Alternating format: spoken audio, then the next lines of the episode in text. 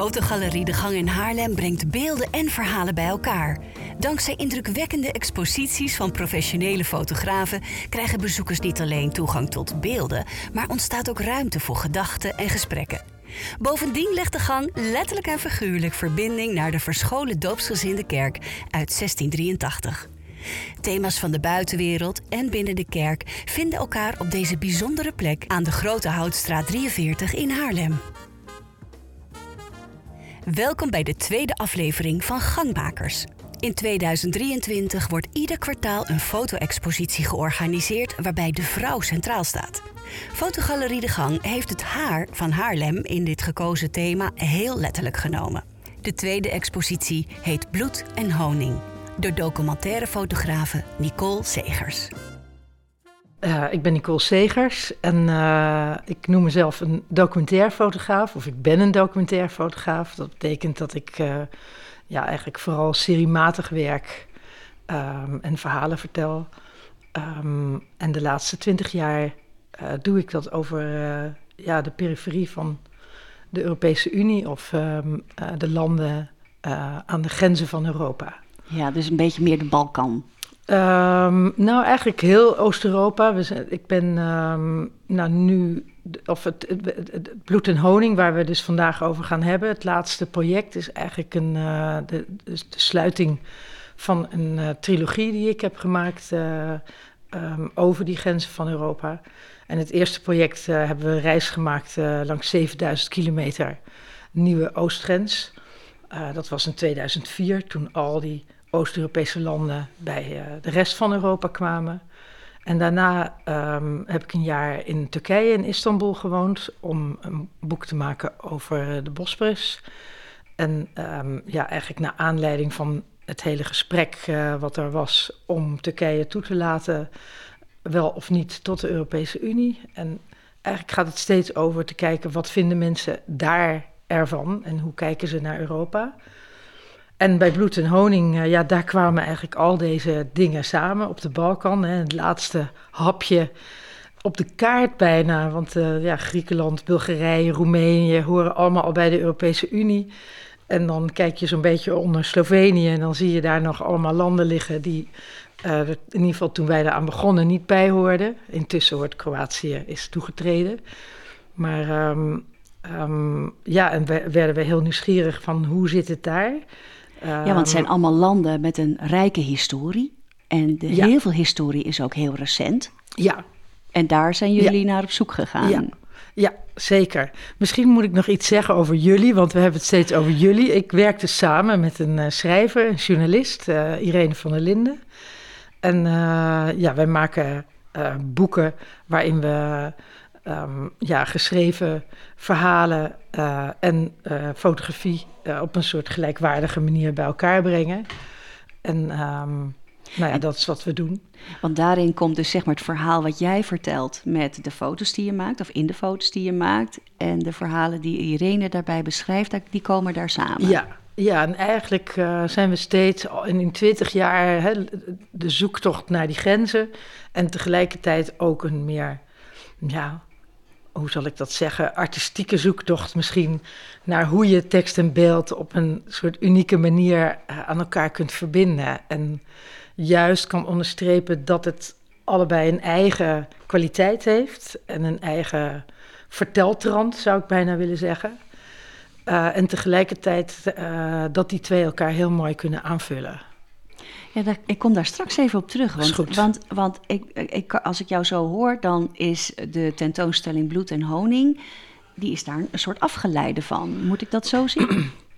Ja, uh, het is een afgeleide en tegelijkertijd is het ook iets zelfstandigs. Want dat is gewoon nou precies waar het om gaat. Dat uh, uh, zowel Irene en ik geloven in de kracht van ons eigen medium. En uh, dus ja, die foto's staan ook op zichzelf. Dus in een bepaalde context van een boek bijvoorbeeld, zoals we gemaakt hebben... Um, ja, vervullen ze een, een functie in, in het geheel van het verhaal. Maar hier in de tentoonstelling vertelt het een eigen verhaal en, en een zuiver beeldverhaal. In het boek wat jullie samen gemaakt hebben, uh, daar staan 215 foto's. De tentoonstelling, de samenstelling daarvan zijn er 35. Hoe heb je dat opgebouwd? Hoe heb je die keuzes kunnen maken? Ik heb eigenlijk um, opnieuw gekeken naar het materiaal. En um, kijk, in het boek um, maak je een reis mee. Een reis door de Balkan en gaan we van land naar land. En in feite zit je daar uh, op de achterbank uh, van onze auto, zou je kunnen zeggen. En de ene keer is Irene aan het woord en de andere keer ben ik aan het woord met mijn beelden. Um, maar in de tentoonstelling ben ik veel meer gaan kijken waar, waar, wat is nou de kern van wat ik wil vertellen. Oh, en wat heb ik daar gezien? En dan kom je toch op de inhoud van waar, waar bloed en honing over gaat. Hè. We hebben het over Joegoslavië, een, uh, een gebied waar um, um, ja, in de jaren negentig gruwelijke oorlogen hebben plaatsgehad. Genocide, Srebrenica, uh, het woord uh, kennen we allemaal. Um, en eigenlijk een heel getraumatiseerd gebied, een versnipperd gebied. Het is nu een lappendeken uh, aan landjes geworden. Um, ja, die, die eigenlijk niet meer kunnen samenwerken. Um, en daar zijn we eigenlijk gaan kijken naar wat betekent dat nou eigenlijk? Hoe gaat het met die landen? Hoe kijken ze naar Europa? En wat betekenen die grenzen? En dat is ook zeg maar echt de kern van de tentoonstelling geworden. Dat je gaat, dat ik ben gaan kijken naar hoe kan ik visueel maken wat dat, wat dat betekent. Welke beelden zeggen dat nou eigenlijk precies? Je hebt dat opgebouwd in meerdere blokken, vertelde ja. je me. Kun je daar iets over vertellen, hoe je nou, dat hebt gedaan? Ik heb, kijk, als je kijkt naar die gevolgen, uh, dan, dan gaat het heel vaak over sporen. Sporen van oorlog, maar ook de sporen van het verleden, van een, van een verder weg verleden. En uh, wat mij opgevallen is uh, toen ik daar reisde, was dat die, die versnippering eigenlijk helemaal niet zoveel oplevert. Dat er veel stilstand is. Um, wat bedoel je daarmee? Mm, nou, mensen um, trekken zich terug in hun eigen groepje, in hun eigen identiteit. Uh, en um, ja, keren zich eigenlijk af van die anderen. En dat is ook heel logisch, omdat um, er zoveel gebeurd is. En uh, mensen elkaar zoveel hebben aangedaan. Dus dat, dat gaat generaties door. Ik bedoel, hè, dat, het is bijna een collectief trauma eigenlijk waar je doorheen reist. En dat klinkt nu net alsof het alleen maar heel erg veel ellende is. Ik bedoel, tegelijkertijd is er natuurlijk ook hoop en um, wat mooi, die klok. Mooi? Ja, vind ik ook. Hoort hier helemaal Dan weten we even dat we in de tijd zijn. Maar uh, uh, uh, er is ook heel veel hoop en, en een poging om iets van het leven te maken. En dat zie je ook. Maar hoe ik het heb opgebouwd is dat ik... Ik ben eigenlijk in de tentoonstelling begonnen... met iets te laten zien van, van de nostalgie en de melancholie... die je overal op de Balkan tegenkomt... Um, ja, ik denk dat dat ook heel erg hoort bij trauma. En um, bij als er iets heftigs gebeurd is, dat je terugdenkt aan een periode waarin het ander, anders was. En dat gaat van het Ottomaanse Rijk uh, tot aan uh, Tito. En het tweede deel gaat eigenlijk veel meer over die sporen van de oorlog die overal nog zichtbaar zijn. Wat op een bepaalde manier ook soms heel wonderlijk is, hoe zeer dat nog leeft, zoveel jaren na die oorlogen. En dan uh, ga je eigenlijk met, met, met die blik kom je wat meer in dat dagelijks leven en, en de mens. En, uh, en dan het laatste stukje van de tentoonstelling gaat dan echt over grenzen en grensgebieden en hoe je dat zichtbaar maakt. En daarin, ja, er zijn veel tekenen in de beelden. Dus van um, huizen die nog uh, kapot zijn of, of granaatinslagen die je nog ziet in een gebouw. Um, tot aan de kreten op de muur die je overal ziet waar mensen elkaar bijna toeroepen. Uh, Kosovo is van mij, dit is Albanees. Uh, Mostar was ooit een eenheid. Nou ja, en ga zo maar door. Dat, dat is toch gewoon heel erg wat je daar ziet. Ja. Wat, wat, wat mij opviel hè, aan, aan de foto's, aan de tentoonstelling, wat ik zo prachtig vind, is dat jij in staat bent om de foto's zo te maken dat je de gelaagdheid en het verhaal daarachter al heel erg kunt zien. Uh, hoe doe je dat? Want ik, ik vind het zo mooi. Er, zit die kleur zit erin en toch ook weer niet. Is dat. Ja, dat heeft heel erg te maken met uh, ja, misschien wel de beginvraag. Dat je vroeg van wat voor soort fotograaf ben je? En um, nou, ik, ik noem mezelf, of ik ben documentairfotograaf. Maar ik zie mezelf ook eigenlijk meer als een beschouwer. En daar zitten die lagen in. Het is niet zo dat ik op een plek kom en dan uh, ga vastleggen wat daar allemaal gebeurt. Maar het gaat juist um, voor mij heel erg over de ziel van een plek. En uh, die probeer ik eigenlijk in één beeld te vangen. En daar ben ik dan vaak ook heel erg lang mee bezig. We zijn met dit project acht jaar bezig geweest. En we hebben vier lange reizen gemaakt uh, over die periode van acht jaar. En elke keer weer teruggegaan naar dezelfde plekken. En iedere keer dacht ik weer van ja, maar ik, ik heb het nog niet. Het, het kan nog beter. Of waar zit het hem nou? En dat lijkt soms heel eenvoudig als je naar de beelden kijkt. Uh, maar dat is het niet per se. Ik probeer toch echt in dat ene beeld um, ja, de verschillende aspecten die spelen ergens bij elkaar te brengen. En zo zie je dus um, ook in één beeld de verwijzing naar het verleden, um, hoe het heden vorm krijgt. nou ja, dat soort, dat soort dingen. Ja. ja, want je vertelde, uh, je noemde al even Tito. Uh, want Tito heeft natuurlijk, is, is een betekenisvol uh, mens geweest. Zeker. En, maar, eh, maar hoe zie je dat terug? Of wat heb jij daarin gezien? Um, nou ja, wat je, wat je ziet is...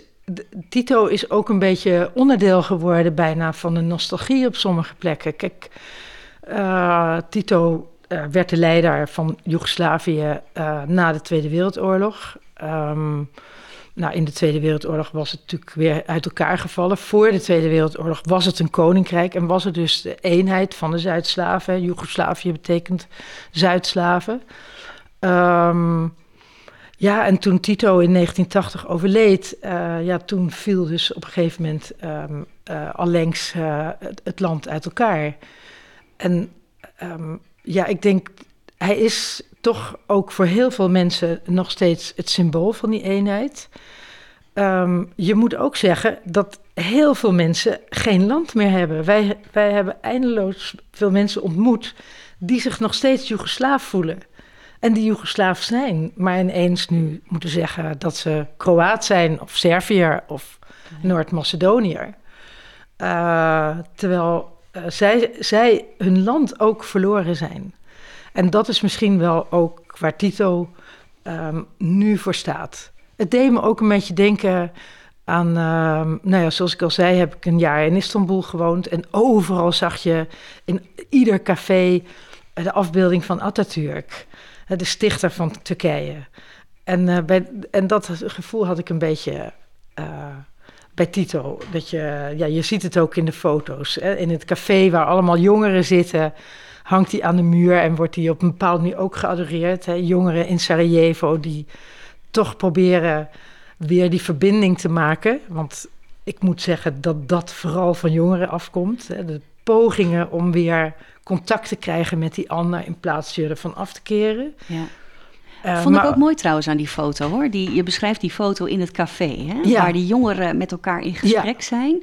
En, en, en wat je heel erg daaruit haalt, inderdaad, is van wat, wat, wie zijn wij? Ja. Wat kan er nog? Wat, maar je hebt het gefotografeerd door een soort plastic heen. Ja, dat klopt. Ja, dat is een beetje een, een stijlvorm, zou je kunnen zeggen. Uh, het heeft iets van de blik van de buitenstaander ook. Um, ja, ik weet niet. Het, is gewoon, het was gewoon een heel mooi tafereel. Hè? Die jonge mensen in dat, in dat café. Maar juist door, door dat plastic te fotograferen... Um, ja, laat je, maak je iets voelbaar van um, hoe lastig het ook is. Um, om eigenlijk bij dat gevoel van hoop te komen misschien. Hè? Dat zou je zo kunnen uitleggen. Uh, het zegt ook iets over mezelf. Over de afstand uh, waarmee ik kijk... Um, het beschouwende. het, het naar binnen kijken, en, uh, maar er niet onderdeel van zijn. Ja, mooi. Um, en tegelijkertijd zijn we er wel onderdeel van. Maar uh, want uiteindelijk is het ook gewoon uh, ons Europa. Maar dat voert weer een stukje verder. Ja, precies. nou ja, nee, maar ik vond het. Dat, dat, je zegt het heel mooi. Je beschrijft het ook heel mooi. Want ik heb dat ook zo ervaren. Kijkende door dat plastic, kijkende naar de jonge generatie. die, die eigenlijk weer moet proberen. of mag proberen. om veerkrachtig te gaan bouwen en misschien ook wel aan identiteit te werken, vond ik wel heel mooi naar voren komen. Zeker, zeker. En toch ook wel het isolement misschien uh, waarin, uh, waarin zij zitten.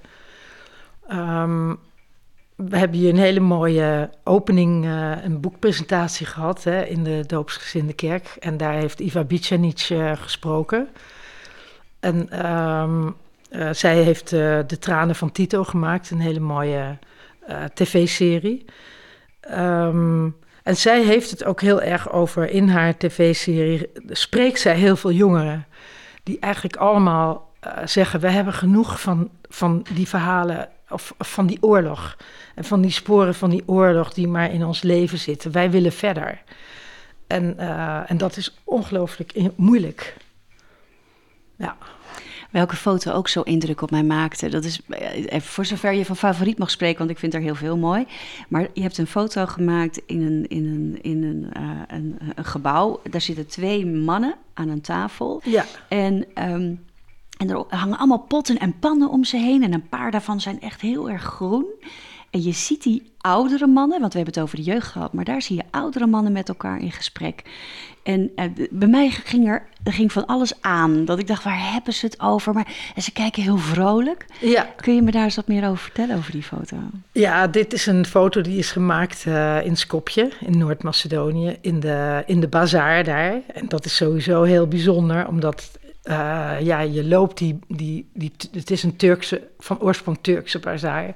En je hebt ook een beetje het gevoel alsof je het Ottomaanse Rijk uh, weer inloopt. En alsof die mannen daar gewoon al eeuwen zitten. En waarschijnlijk is dat ook zo. Te praten. En uh, maken al die mooie spulletjes uit koper en blik. De typische uh, koffiekannetjes en dienbladen die gemaakt worden. En potten en pannen en ketels waarin gekookt wordt. En ja, ik vind dat dan heel mooi. Kijk, er is zoveel veranderd. Um, en zoveel um, leed eigenlijk ook geweest. Uh, maar er zijn dus ook dingen die altijd blijven. En dat zit voor mij wel heel erg in, dat in dat beeld. En heel veel tijd zit er in het beeld. Hè? Dus die verwijzing naar het Ottomaanse verleden.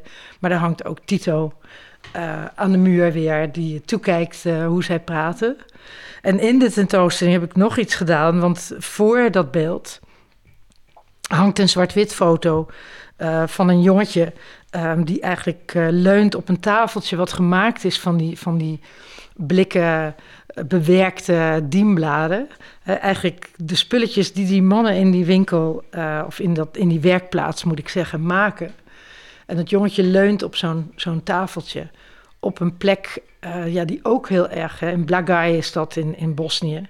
Dus weer eigenlijk in een ander deel van Joegoslavië. Um, um, ja, ook een plek waar, waar dat Ottomaanse Rijk eigenlijk helemaal herleeft. Ja, ik heb echt gezocht naar een soort dynamiek tussen die beelden. En dat je meegenomen wordt in een bepaald gevoel. En soms word je er even uitgegooid. Maar, um, en dan heb je, er zitten nu in het, in het boek zitten er meer. Maar in de tentoonstelling zitten nu vier zwart-wit beelden.